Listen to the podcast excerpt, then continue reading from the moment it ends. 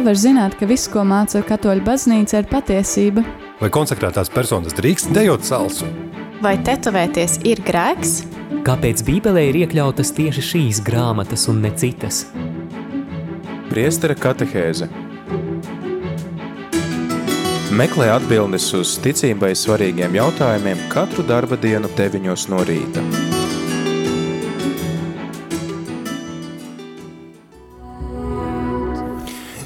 Radījumā arī Latvija klausītāji ir 9 un 3 minūtes ar tevi ēterā priesteris Pēteris Skudra un laiks šīs dienas katehēzē trešdienā 27.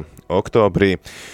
Turpināsim sarunu par baušļiem, Mēs pirmdien tikāmies ar priesteri Jose, par, runājām par sesto bausli, un mēs arī tad runājām par to, ka šis bauslis mūs aicina uz draudzību, tad tādu otra uzlūkošanu, nevis kaut kādu savu vajadzību apmierināšanai, bet ka otrs ir vērtīgs pats par sevi, Tad atkal atgriezāmies pie jautājuma par cilvēka cieņu, par kuru arī runājām piekdien, apspriežot piekto bausli. Taču šodien kārta septītajam bauslim. Septītais bauslis mums saka, tev nebūs zakt.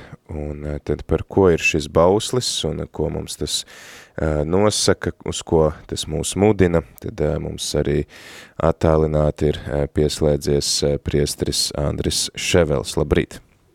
Labrīt!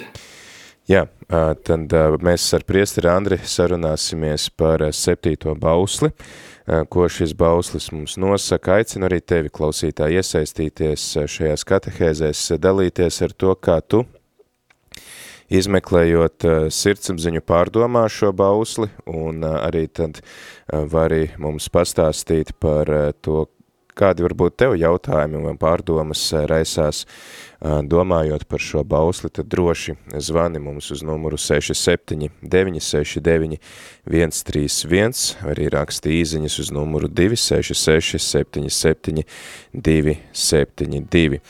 Tad, jā, tev nebūs zakt, klausītāji, aicinu tevi pievienoties šai sarunai. Priestera katehēze – Meklē atbildes uz ticībai svarīgiem jautājumiem katru darba dienu 9 no rīta.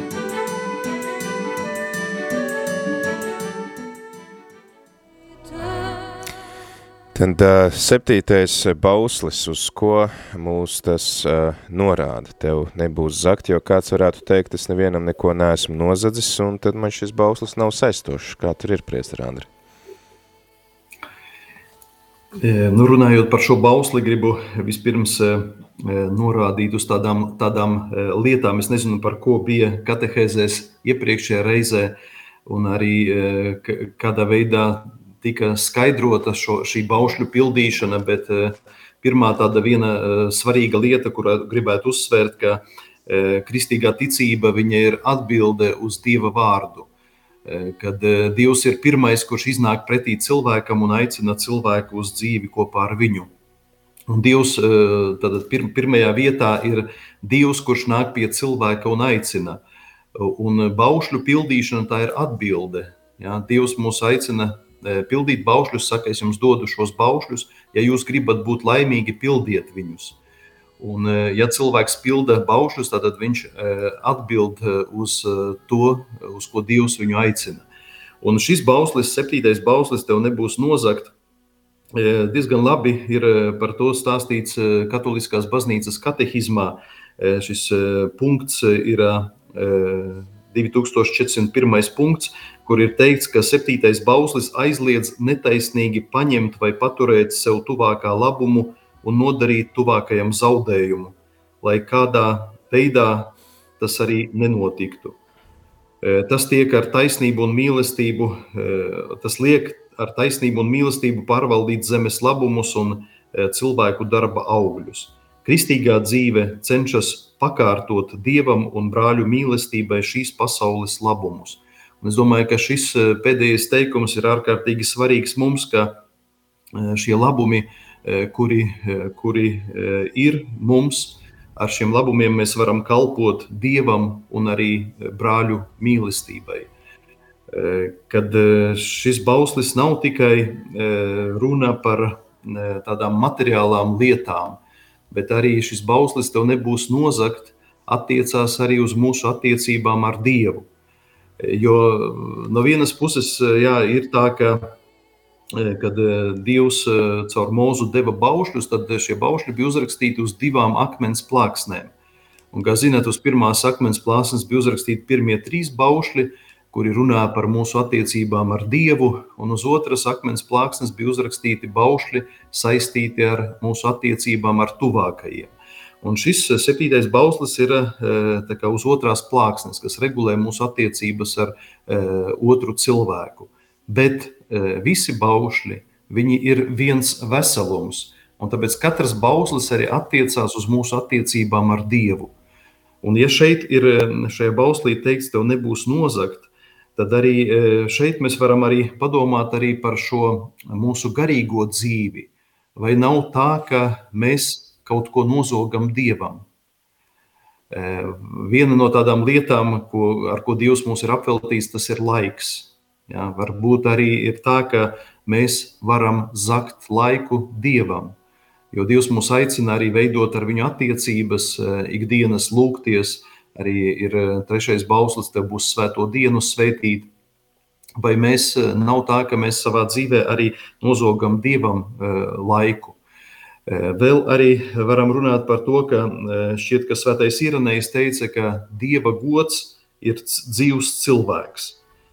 Un, ja cilvēks grēko, izvēlas grēku, ja, tad viņš ieiet nāvē, jo arī baušļu nepildīšana tas nav tikai tāds likuma pārkāpšana, bet grēks, ka cilvēks brīvprātīgi un apzināti e, izvēlās e, ļaunuma ceļu, ja, tad viņš ieiet nāvē. Un līdz ar to, ja ir teikts, ka Dieva gods ir dzīves cilvēks, tad grēkojot, mēs ieejam nāvē, tad mēs laupam Dievam godu, nozogam Dieva godu. Ka šeit arī ir vērts paskatīties arī šādā veidā uz šo bausli, ne tikai uz eh, to, ka šis bauslis runā par mūsu attiecībām ar tuvākajiem, bet arī ar mūsu attiecībām eh, ar Dievu. Eh, kādas ir šīs mūsu attiecības ar viņu?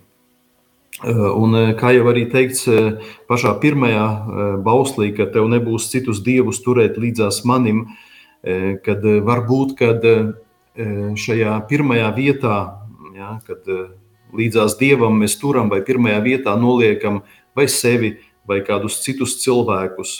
Piemēram, ģimenē var būt, ka kāds vīrs dievina savu sievu vai sieva vīru, vai vecāki savus bērnus. Un tad sanāk tā, ka uh, viņi kļūst tavā dzīvē svarīgāki par Dievu. Un visu, ko tu noliec svarīgāku par Dievu, tas viss vēršas pret tevi. Un, tāpēc arī šeit, nu, šajā bauslī, ir arī svarīgi arī padomāt par to, vai nav tā, ka es arī zogu dievam godu. Tāpat arī runājot par attiecībām ar saviem tuvākajiem, ka arī šī lieta ne tikai nu, teiksim, ka kādu materiālu lietu mēs varam piesavināt sev netaisnīgi, bet arī var būt tā, ka arī šis laiks, kuru mēs varam pavadīt ar saviem tuvākajiem, mēs arī viņu kaut kā saviem tuvākajiem nozogam. Eh, piemēram, var gadīties tā, ka kāds, eh, kāds pat divas, trīs, varbūt pat vairāk stundas pavada katru dienu pie televīzijas vai internetā. Tā laikā, lai, lai šo laiku veltītu saviem tuvākajiem, un saka, ka man nav laika sievai, bērniem, nav laika attiecību veidošanai. Un, bet cilvēks nu, nepareizi izmanto šo laiku, jo tad arī var sanākt tā, ka mēs zogam šo laiku savai sievai, saviem, savam vīram, saviem bērniem, savai ģimenei. Tad, tad mēs varam teikt, ka tas ir ne tikai tas, ko es paņemu no otra, bet drīzāk tas ir tāds aicinājums uz taisnīguma principu ievērošanu, ka es arī dodu katram, kas viņam pienākās. Jā, un šeit varbūt tādu vienu piemēru, kuru e, pirms kāda laika dzirdēju par Eh, liec, liecību, kāds cilvēks, eh, tas eh, cilvēks dzīvo Varšavā, viņam ir ģimene, viņš pats ir vada juristu firmu, pats ir jurists, advokāts. Un ši, šim cilvēkam nu, darbs bija ļoti, ļoti svarīgs. Kā viņš pats teica, ka kaut kādas pat 10, 12 stundas dienā viņš strādāja, kad viņš atbrauca mājās. Mājās gaidīja sieva, divi bērni, bet viņam nebija spēks ar viņiem vēl kaut ko darīt, jo bija noguris pēc darba un sakām, es paēdu vakariņas, un tad kādas trīs stundas sēdēju pie televizora līdz 12. naktī. Un e, tad e, šis cilvēks pamanīja to, ka e, šīs attiecības ģimenē paliek ļoti sarežģītas. Gan attiecības ar sievu, gan attiecības ar bērniem, jo viņam nav priekš viņiem laika. Visi pārmet, gan sieva viņam pārmeta to, ka tev nav laika priekš manis, gan arī bērni teica, tēti, mēs gribam būt kopā ar tevi. Un tad šī, šī ģimene, nu, pārdzīvojot tādu krīzi, vērsās pie kāda garīdznieka pēc padoma, ko darīt. Nu, un e, šis e, priesteris arī viņiem teica, ka mīlēt tas nozīmē veltīt laiku otram. Un tad jautāja šim, šim e, vīram, no kā tu vari atteikties, lai vairāk veltītu laika savai ģimenei. Viņš teica, ka no darba es nevaru atteikties, jo nu, darbs man ir svarīgs ja, un atbildīgs darbs, bet es varētu atteikties vakaros no, no televīzijas skatīšanās un pavadīt šo laiku kopā ar ģimeni. Nu, tad, tā, bērni, eh, bērni vēl eh, bija tādi eh, mazāki, tad viņi saka, ka pulkstenis kādos deviņos mēs nolikām bērnus gulēt, un tad pavadīju laiku kopā ar sievu. Bet, saka, bet radās jauna problēma, televīzijas nav. Viņš saka, mēs sapratām, ka mums nav par ko pat runāt. Ja, parādās tāds klusums viņu attiecībās, ja, ka jā, ir tas laiks, kuru mēs varam pavadīt kopā, bet mums nav par ko runāt. Viņš saka, mēs sapratām, ka mēs viens otru pat īsti nepazīstam. Un tad atkal eh, arī sastopoties ar eh, šo problēmu, viņi atkal bija uz eh, tādu lūgt padomu šim priesterim, atnāca uz sarunu ar viņu, un priesteris saka, nu, varbūt tās jūs varat šajā brīvajā laikā lūgties, un, piemēram, skaitīt rožu kroni. Un, tad viņi arī paklausīja, un kad bērni bija nolikti gulēt, viņi vecāki sāka kopā lūgties tieši rožu kroņa lūgšanu. Viņi saka, mēs, mēs lūdzāmies e, šo, šo lūgšanu, e, atkal bija kaut kāds klusums arī mūsu starpā, bet pēc tam arī e, pateicoties arī šai lūgšanai, mēs kaut kā garīgi sākām tuvoties viens otram un, un, saka, un, mēs, un radās mūsos interese vienam par otru. Mums sākās ļoti interesantas tēmas, par kurām mēs sākām runāt. Un tā lūk, šī, šī ģimene liecināja arī par to, ka šis laiks, kuru sāka veltīt viens otram, tāpat arī kopā augt garīgi, kopīgi meklēt intereses, kopīgas interesēties vienam par otru, runāt, būt kopā, ka šis laiks atjaunoja viņu savstarpējās attiecības. Tā ir tāda teiksim, liecība konkrēta no cilvēku dzīves, kā, kādā veidā mēs citreiz arī varam zakt laiku, pat arī sev, jo daudz cilvēku pat arī neprot atpūsties Ja, jo šo laiku, kuru mēs varētu veltīt sev, mēs pat ne, nemākam viņu izmantot. Bet uh, arī svarīgi ir laiku veltīt arī citiem, tāpat arī dievam. Ja, tā ir liederīga laika izmantošana, laika dāvāšana uh, dievam un citiem, un arī sev. Tad varētu būt viens no uh, tematiem, ko mēs varam pārdomāt, izmeklējot savu sirdsapziņu, pārdomājot šo bausli. Bet kā ir tad ar īpašumiem? mēs, ja es nu, nevienam neko neņemu nost, tad, tad sanāk, ka es izpildu šo bausli, vai tomēr šis bauslis man aicina uz kaut ko raudzīties plašāk. Es nopelnu savu algu, neskatos citu makā, sargāju savēju un neju uz priekšu. Šis, šis bauslis ir ļoti plašs. Te ir daudz tēmas, par kurām mēs varam arī runāt, bet viena no tēmām, kā mēs attiecamies pret mūsu īpašumiem, pret materiālām vērtībām. Un e, šeit arī, e, ja mēs palasīsim e, Katoliskās baznīcas katehismā vai Jukatā, katehismā jauniešiem, ko, kas ir teikts par septīto bausli, tad arī pamanīsim to, ka šis bauslis arī uzsver, ka mēs neesam īpašnieki materiālo vērtību, bet mēs esam administratori, pārvaldnieki. Ka tās lietas, kas kā, pieder mums, nav tikai domātas mums, bet lai mēs arī prastu ar tām dalīties ar citiem. Un eh, šeit svarīgi ir arī saprast to, eh, ko arī tu, Pēter, teici, ka izmantot visus labumus tā, lai tie kalpotu eh, mūsu tuvākajiem, ja, kalpotu mīlestībai.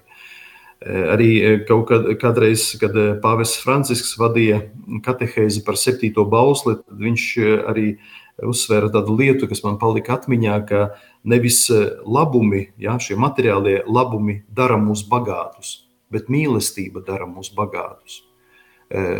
Tas, ka mēs, protams, ar šiem labumiem dalīties ar citiem. Daudz no jums esat dzirdējuši par tādu austriešu psihoterapeitu Viktoru Franklu, kurš izveidoja logoterapiju, terapiju, kur palīdz cilvēkam atklāt dzīves jēgu.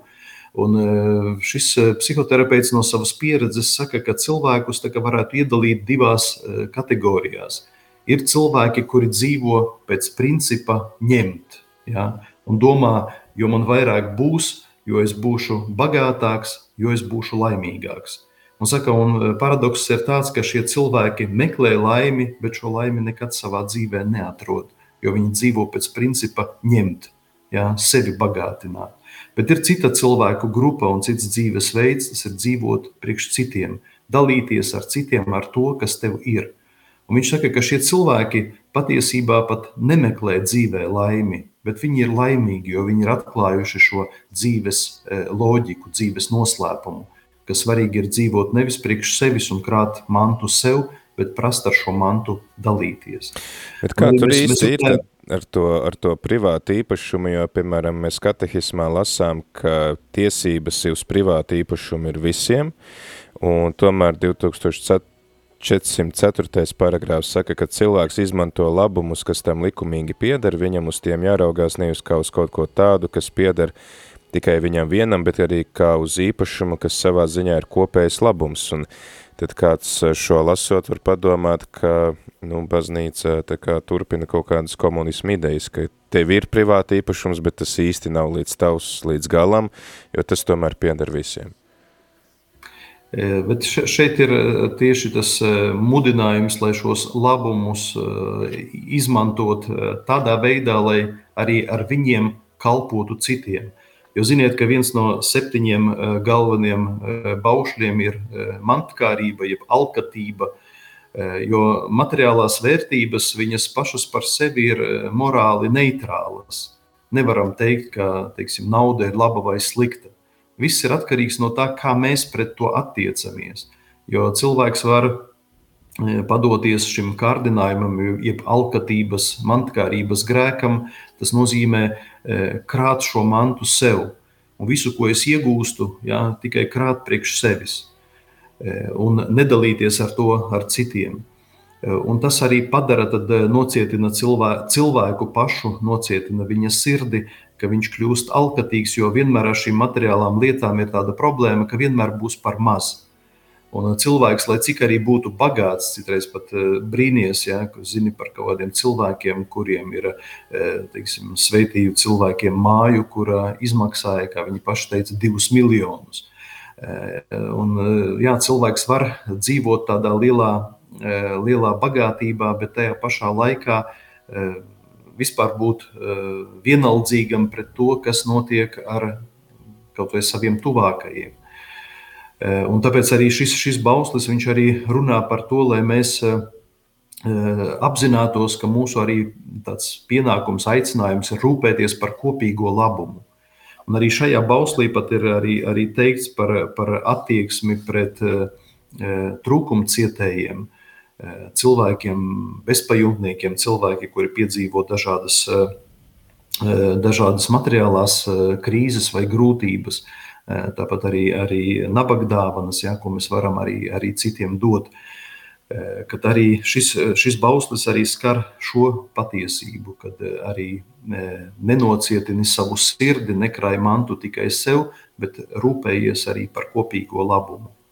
Jā, tā arī attieksme pret trūcīgajiem ir, es tagad neatceros, vai es to lasīju katehismā vai kur, bet kaut kur ir teikts, ka patiesībā Uh, jā, tas ir rekur katehisms citē svēto Jāni Hrizostomu, ka nedo, nedalīties ar nabagiem nozīmē apzakt viņus un atņemt viņiem uh, dzīvību. Mēs aizturam nevis savus, bet viņu uh, labumus. Tātad šī patiesībā rūpes par, rūpes par nabagiem arī ir šī pati taisnīguma tikuma ievērošana, ka mēs katram dodam pēc taisnīguma, kas katra cilvēka cieņai pienākās, lai viņš varētu dzīvot cilvēcisku dzīvi.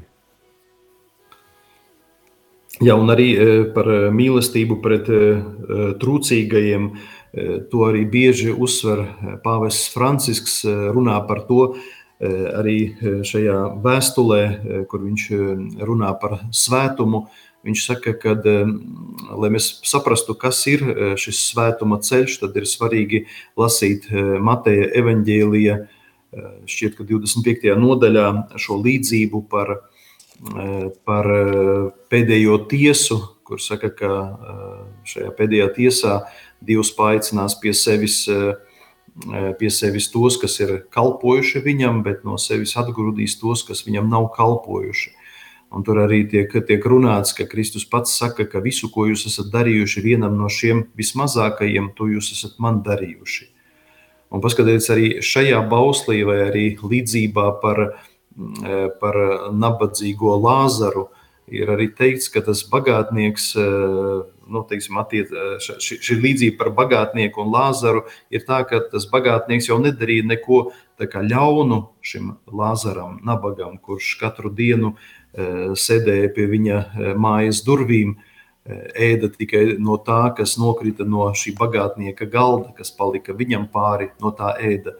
Un pēc tam sanāk tā, ka abi divi nomirst, un viens nonāk Abrahama klēpī, tad paradīzē, bet otrs nonāk Ellē.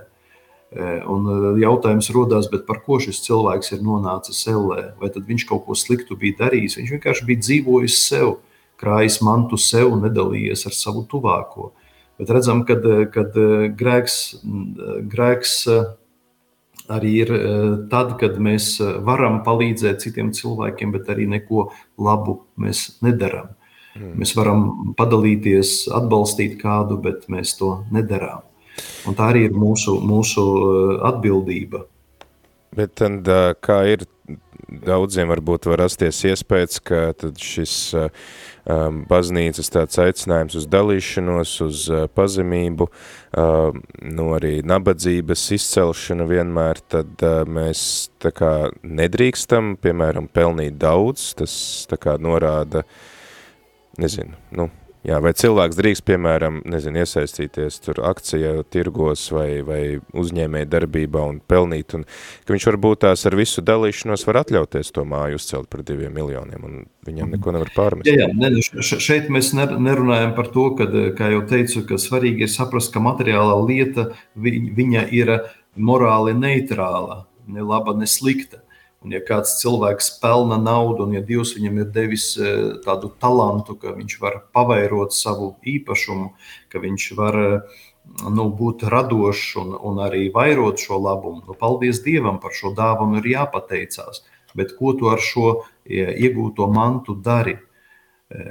Protams, ir, ir cilvēki, kuri, kuri cerēs arī tur var kādos raidījumos Eh, dzirdēt par tādiem cilvēkiem, kur iepērk, iepērkas un eh, uzvalku pērk pa eh, tūkstots eiro vai diviem tūkstošiem, un viņš var atļauties to, jo daudz pelna šis cilvēks. Bet tajā pašā laikā viņš paliek vienaldzīgs pret to otru cilvēku, kurš cieš trūkumu. Viņš nu, teiksim, nocietina savu sirdi pret otra vajadzību. Par to ir šī, šis stāsts. Eh, ja nespējam eh, nu, dot to, eh, kas mums ir, ja, tas nozīmē, ka šīs lietas var sākt valdīt pār mums, un mēs arī varam kļūt par arī materiālo lietu vergiem. Jo, kā teicu, ar materiālām lietām ir tāda lieta, ka vienmēr ir par maz, gribās ar vien vairāk un vairāk.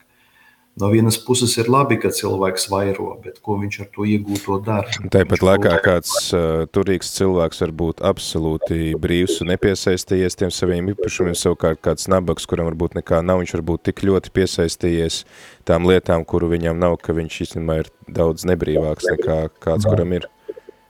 Jā, bet nu, tieši, tieši tā, kad, kad šeit ir svarīga mūsu attieksme pret šīm lietām. Bet vēl arī e, šis bauslis arī runā par mūsu attieksmi pret valsti, un, un arī e, šeit e, citreiz sarunās ar cilvēkiem es jautāju, saku, kā ir ar jums, vai jūs arī maksājat nodokļus. Jo dzīvojot valstī, mūsu arī pienākums kā valsts pils, pilsoņiem maksāt nodokli. Jo, ja mēs nemaksājam nodokļus vai, vai kaut kādā veidā kombinējam ar šiem nodokļiem, tad arī mēs varam pārkāpt šo bausli un zakt, ja, zakt no valsts kaut kādas lietas. Ir cilvēki, kuri arī sevi attaisno un saka, nu, bet uh, citi zog, un kāpēc es to nevaru darīt? Bet katrs mēs atbildam par sevi, un kā, kā arī Svētajos rakstos ir teikts, ka nevis tas, kas ienāk cilvēkā, dara viņu sliktu, bet kas no cilvēka iziet, tas padara cilvēku nešķīstu. Un no cilvēka sirds, no viņa iekšienes iziet gan zādzība, gan laulības pārkāpšana, gan slepkavība, gan lepnība, gan muļķība, ka tas viss iziet no sir, cilvēka iekšienes, no cilvēka sirds un padara cilvēku nešķīstu. Un tāpēc arī e, šis bauslis arī runā par to, lai mēs arī sargātu savu, e, savu sirdi e, no tā, lai mēs nekļūtu par mantkārīgiem, alkatīgiem cilvēkiem. Jā, bet tāpat laikā katehisms saka, ka mēs varam būt radoši attiecībā uz to, ja ir sarežģīta kaut kāda šī ekonomiskā sistēma, ka es, protams, nevaru kaut kā slēpt vai, vai šos savus ienākumus un nemaksāt nodokļus, bet es varu būt radoši attiecībā uz to, kā es to nodokļu sistēmu izmantoju sev par labu. Mm.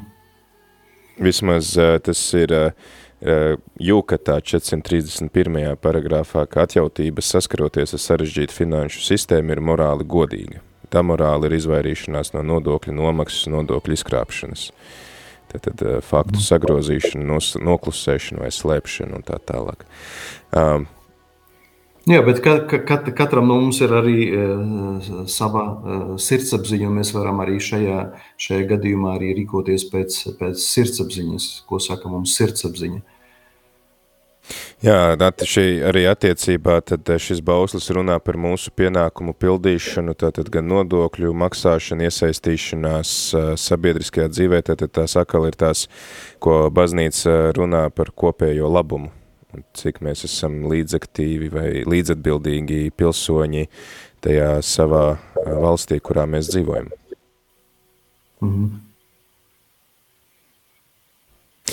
Jā, atgādinu klausītājiem, ka arī tu vari iesaistīties, iesaistīties šajā sarunā. Mums priecāsimies par taviem jautājumiem, par taviem kādiem komentāriem, kas skara šo bausli. Redzam, ka šis bauslis skar ļoti plašu tādu spektru, gan mūsu attiecības ar Dievu, ar citiem cilvēkiem, to, ko mēs viņiem dodam, kas viņiem pēc taisnīguma pienākās, tad arī rūpējamies par sev uzticētajiem īpašumiem, ko Dievs mums ir devis, tiem nepiesaistoties un nekļūstot par to vergiem, esot gataviem arī dalīties ar tiem, kuriem nav, respektējot arī citu īpašumu, tad arī rūpējoties par kopējo labumu šī līdzatbildība pret valsti, pret nāciju, kurā mēs dzīvojam, tad ļoti, ļoti plašs spektrs šajā bauslī, tad noteikti klausītāji tev ir kādi jautājumi un komentāri, tad droši vari zvanīt uz numuru 67 969 131 vai arī vari rakstīt īziņas uz numuru 266 77 272. Es esmu pilnīgi pārliecināts, ka tev ir kaut kādas pārdomas gan attiecībā uz savu personisko īpašumu, gan uz citu cilvēku īpašumu, uz taisnīgu uh, resursu sadali, uh, uz laiku, ko mēs dāvājam, un uh, noteikti tev ir arī sakāms kaut kas par uh, dalīšanos ar to, kas mums ir, tad uh, priecāsimies dzirdēt tavas domas, bet man liekas viena tāda interesanta lieta, par kuru varbūt nevienmēr var uzreiz aizdomāties, ir tas, ka katehisms šajā bauslī, nevis piektajā bauslī, bet šajā bauslī runā arī par attiecībām ar uh, dzīvo radību un, teiksim, tās pārvaldīšanu. Varbūt, priestri Andri, tu vari kaut kā komentēt to, kāpēc tad rūpes par maidzīvniekiem vai, nezinu, dzīvniekiem vispār vai kokiem un tā tālāk ir tieši pie šī baušļa, nevis pie piektā baušļa. Nu, tas ir tas, par ko pēdējā laikā ļoti daudz runā arī mūsu pāvests Francisks par to, ka uztvert arī šo radīto pasauli par mūsu kopīgām mājām un rūpēties, gan rūpēties par visu dzīvo radību, ja, nest atbildi, uzņemties atbildību par dzīvo radību, bet arī rūpēties tāpat arī par, par nu, šīm kopīgām mājām, lai katrs no mums justos labi šajā pasaulē. Un, protams, ka arī šī, šī attieksme pret dzīvo radību saista, runā par to, kā, kā tu attiecies arī pret nu, dzīvniekiem, kā pret radīto dieva, dieva radību ka tas arī ir nu, saistīts ar to, vai manī ir mīlestība pret Dievu, pret tuvāko, bet arī tāpat pret radīto pasauli. Jo, kā teica svētais arī Francisks no Asīzes, kad ja cilvēks prot apbrīnot šo radīto pasauli, teiksim, paņemt ziediņu un redzēt, cik viņš ir brīnišķīgi radīts, cik ir skaists, tad cilvēks varēja nonākt pie šī secinājuma, cik skaists ir tas, kurš šo ziedu vai šo pasauli ir radījis. Ka šī pasaule, radītā pasaule arī var būt kā tāda grāmata, kur mums var stāstīt par Dievu, to, kurš ir šo pasauli tik skaistu radījis. Jā, tas arī ir aicinājums atcerēties par to, ko tu priestri Andris sacījis sākumā, ka mēs esam visu nu, resursu tādi pārvaldnieki, kaut arī tie nonāk mūsu privāti īpašumā, mēs tos nevaram paņemt sev līdzi, mēs tos pārvaldam un nododam tālāk, un tāpēc arī tad katehisms runā, ka mēs pret visu šo pasaules minerālu, veģetācijas un dzīvnieku resursu lietošanu raugāmies tā nu, vienā veselumā, ka tas nav atraujams viens no otru, un tas arī ir pakļauts tad, nu, šiem taisnīguma principiem, kādu tad to vīdies atstāšu nākamajām paudzēm. Ja nemaldos, kādai Āfrikas ciltī ir teiciens, ka mēs aizņemamies zemi no saviem bērniem, ka mums viņiem tas būs jādod atpakaļ. Uh, Jā, tad šī taisnīgā resursu sadala un arī pārvaldīšana, lai pietiek visiem un lai tad arī nākamajām paudzēm ir tāda skaista, laba vide, kurā būt.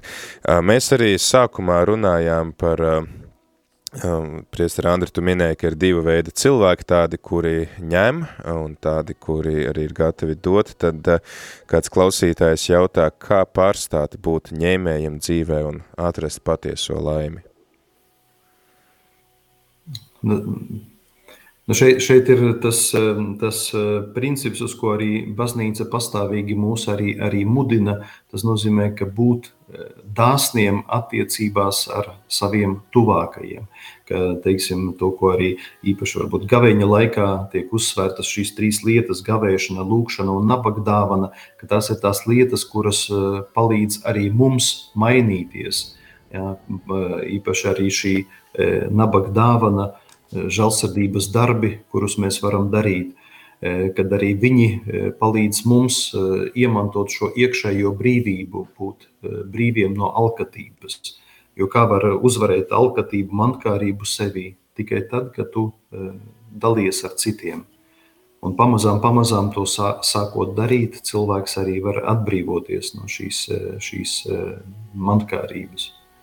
Jā, vēl kāds Jā, vēl kāds. mūsu klausītājs, tā ir Vlada, kas jautā, kā ir ar tiem cilvēkiem. Mēs runājam par to, ka mums ir jādalās ar nabagiem un ka dalīties ar nabagiem nozīmē patiesībā pēc taisnīguma dot to, kas viņiem pienākās un, un nedalīties ar viņiem nozīmē viņus apzakt. Tad Vlada jautā, ko darīt ar tiem cilvēkiem, kas paši negrib strādāt un tikai sagaida palīdzību no citiem. Redziet, ka, katra situācija ir arī ļoti e, individuāla.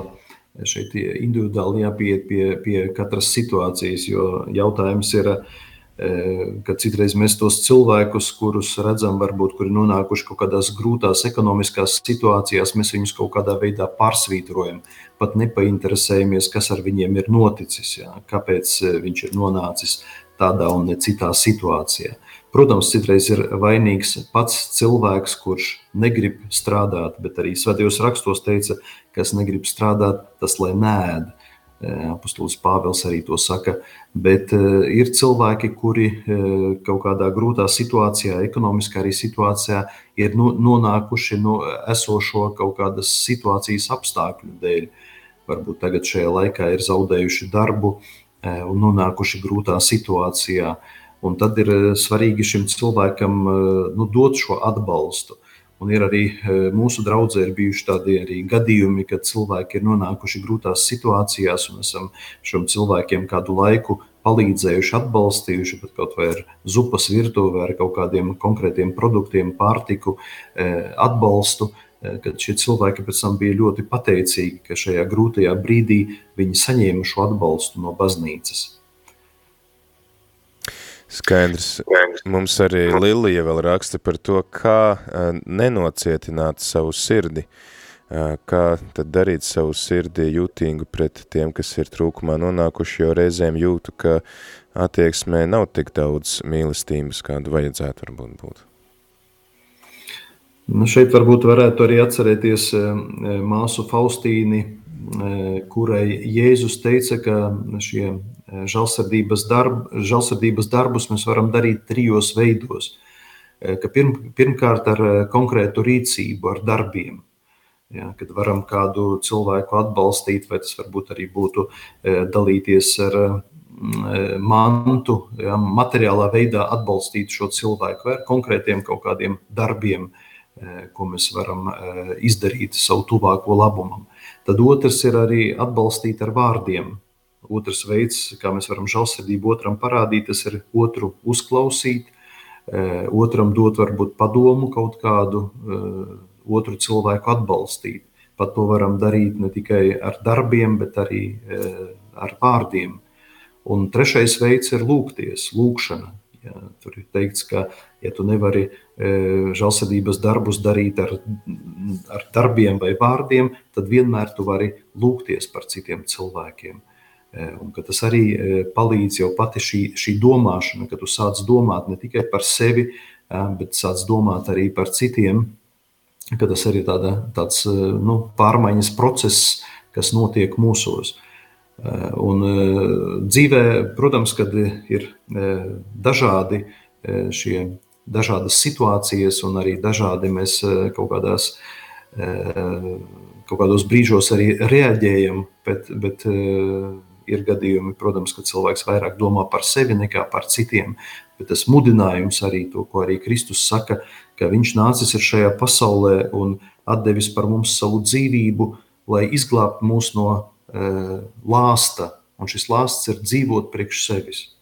Jā, Apostols Pāvils saka, tāpēc Kristus ir e, nomiris un augšām cēlies, lai mēs vairs nedzīvotu sev, bet dzīvotu tam, kas par mums ir nomiris un augšām cēlies. Jo pateicoties arī ticībai Kristum, pateicoties arī žēlastībai, ko viņš dod, notiek šī pārmaiņa, ja, transformācija mūsos, ka mēs pārstājam eh, dzīvi izdzīvot tikai priekš sevis, bet sākam dzīvot eh, citu labā. Jā, paldies visiem mūsu uh, klausītājiem, kas iesaistaties šajā sarunā ar saviem jautājumiem, ar saviem komentāriem. Vēl arī kāds var paspēt pievienoties, uh, varbūt piezvanīt uh, vai atsūtīt vēl kādu īziņu. Priecāsimies dzirdēt jūs. Kamēr jūs uh, rakstat vai meklējat mūsu numuru un zvanat šeit uz ēteru, tad mēs arī runājām, ka šis bauslis skar attiecības ar valsti, Un kādu baznīca tad redz to, nu, kas ir visefektīvākais, varbūt tas valsts pārvaldes modelis, jo daudzi, nu, var teikt, ka demokrātijas sevi neataisno, jo, nu, ar sabiedrības viedokli var manipulēt, un tad vairākums nobalso par kaut ko tādu, kas īstenībā nemazām nav valsts interesēs.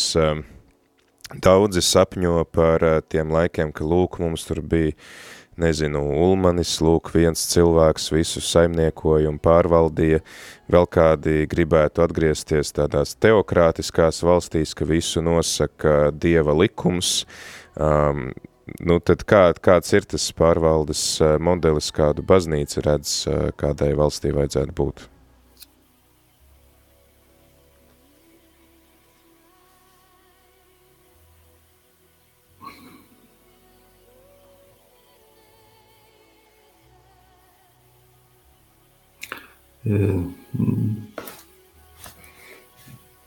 Godīgi sakot, ne, ne, nezinu pat, ko te uz šo jautājumu atbildēt. Jā.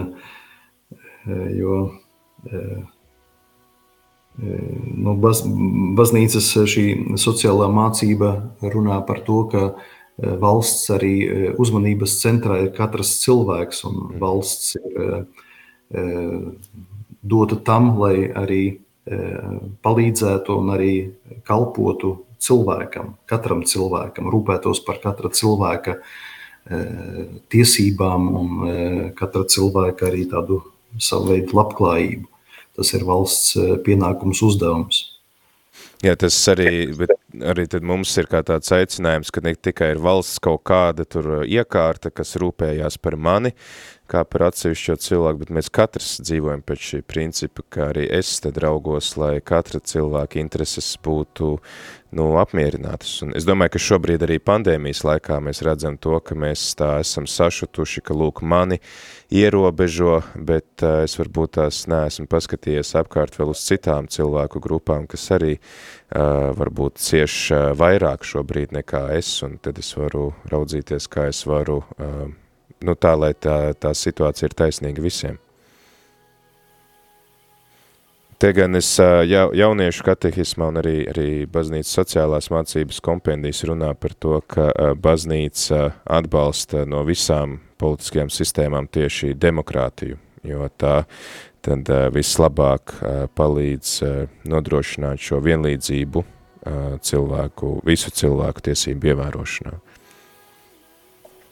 Bet mēs turpinam ar, turpinam ar īziņām, ko mums raksta mūsu klausītāji. Lidija raksta, lai ir slavēts Jēzus Kristus par dalīšanos labu laiku, es cenšos palīdzēt cilvēkiem bez noteiktas dzīves vietas. Skatos, ka jauni un nevisai jauni pamatā vīrieši, ko meklē atkritumos vai lūdzas naudu, tad cenšos skaidrot, lai iet strādāt, meklē darbu, un tad būs arī labs mājoklis un iztika. Pēc novērojumiem konstatēja, ka dažiem mans padoms ir noderējis. Paldies, Lilija, Lidija, par eh, šo eh, dalīšanos, eh, par jūsu pieredzi. Tad, jā, te arī saskan tas, ar ko tu, priestri Andris, sacīja ar šiem labajiem vārdiem, ka arī ar padomu mēs varam darīt žālsirdības darbus. Mhm. Jā, bet katra, katra situācija ir mm, tiešām ļoti eh, individuāla. Mēs vairāk nekā desmit gadus draudzē vadām zupas virtuvi, kur arī katru sestdienu vairāk nekā simts cilvēki saņem gan eh, siltu pārtiku, var paņemt līdzi uz mājām, gan arī saņem produktus, eh, pārtiku iztikai. Un ir tādi cilvēki, kuri varētu pat teikt, tos visus desmit gadus nāk un labprāt eh, izmanto šo, šo palīdzību. Un arī šeit, eh, jā, citreiz es arī aizdomājos, varbūt tas ir tāds lāča paka, pakalpojums, ka varbūt nevajag cilvēkam eh, dot kaut ko gatavu, bet varbūt iemācīt viņu pašam ķert zivi, ja? nu, ne, ne, nevis dot zivi, ja, bet iedot makšķeri un pat parādīt, kādā veidā šo zivi var noķert. Kad, protams, ka šīs situācijas ir ļoti individuālas un, un katrā situācijā laikam jā, jāpieiet ļoti individuāli pie katra cilvēka. Jā, mēs cilvēki... uzreiz nedrīkstam steigties ar kādu nosodījumu, ka tur ir tikai slinkums jā. vai nolaidība. Un... Par to ir stāsts, jo redzat, var arī cilvēkam no kādam nu, lasīt morāli, kā vajadzētu viņam dzīvot, bet varbūt sākumā vajadzētu šo cilvēku uzklausīt un saprast, kā, kāpēc viņš ir nonācis eh, šādā situācijā.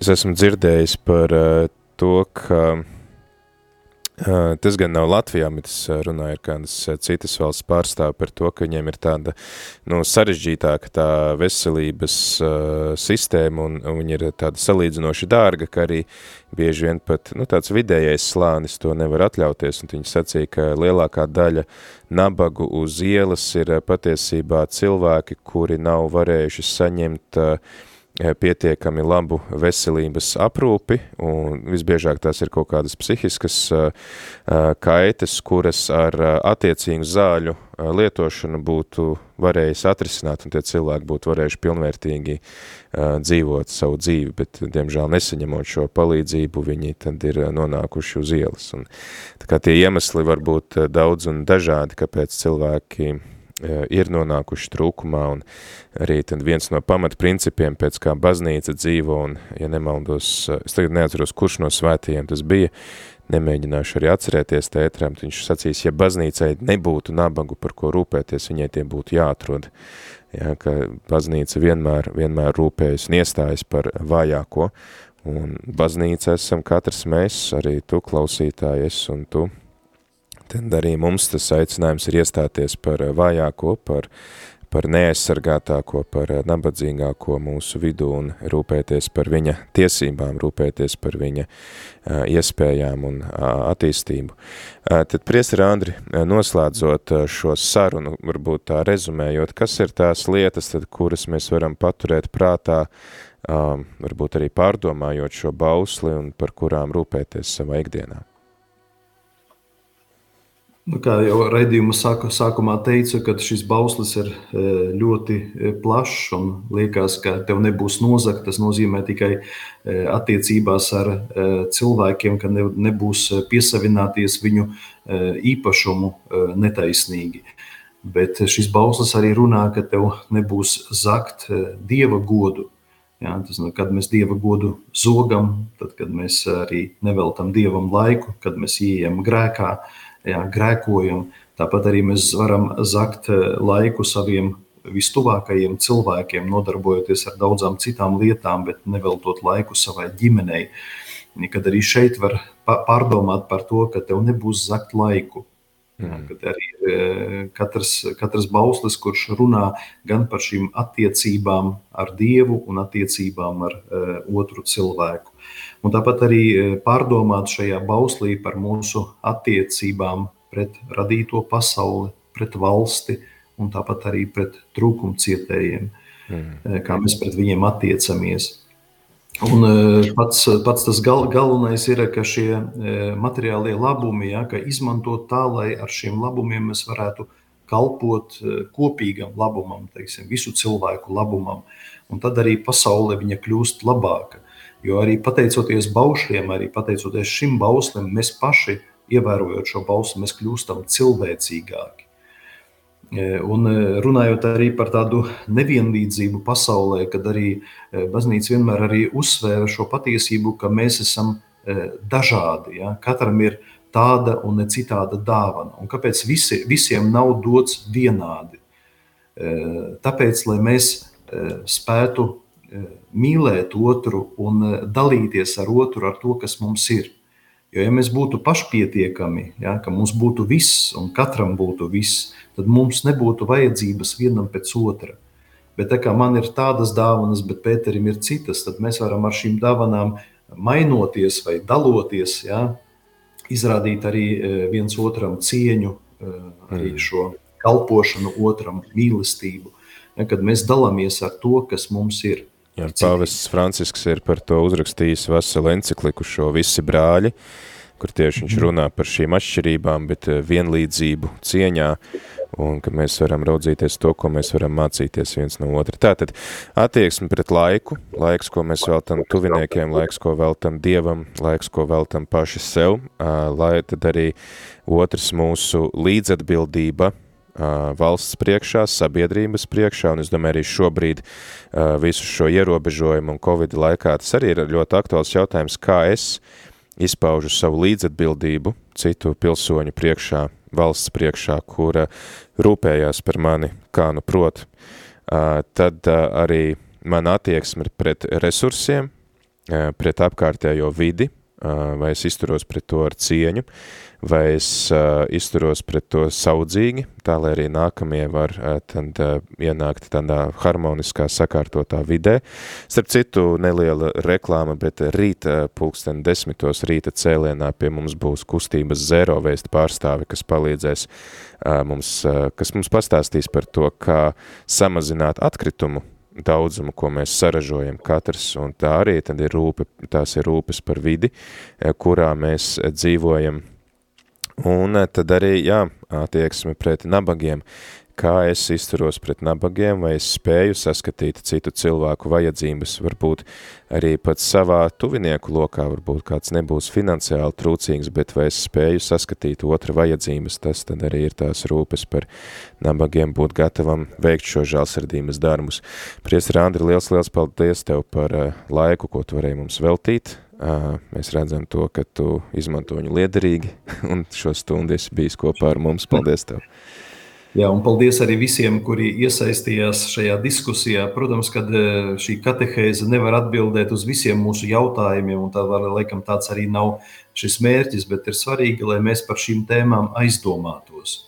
Jā, Jā. Katrs varētu šīs lietas pārdomāt un arī saprast to, ka šīs pasaules labumi ir doti, lai mēs varētu e, ar viņiem kalpot un arī paši izrādīt un vairāk pieaugt mīlestībā gan pret Dievu, gan pret tuvāko.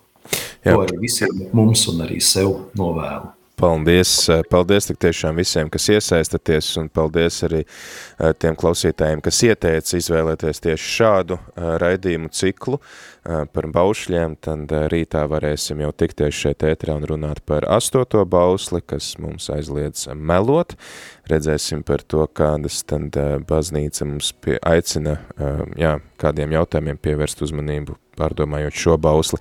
Tā kā ļoti, ļoti ceru uz jūsu klātbūtni arī rīt, pulksten deviņos, un tiekamies jau tad ar astoto bausli. Bet pēc tam tad rītā, jā, iespēja pārdomāt to, kā mēs varam samazināt savu atkritumu daudzumu rīta cēlienā. Tā kā liels paldies priestrim Andrim, paldies jums visiem klausītājiem, paldies arī visiem ziedotājiem un atbalstītājiem, ka pateicoties jūsu žālsardībai, jūsu dāsnumam, mēs šeit ētrā arī visi varam tikties un tad eh, pievērst uzmanību šiem svarīgiem jautājumiem. Kā var zināt, ka viss, ko māca katoļu baznīca, ir patiesība? Vai konsekrētās personas drīkst dejot salsu? Vai tetovēties ir grēks? Kāpēc Bībelē ir iekļautas tieši šīs grāmatas un ne citas? Priestera katehēze Meklē atbildes uz ticībai svarīgiem jautājumiem katru darba dienas rītu pulksteni deviņos ar atkārtojumu pulksten 11. vakarā.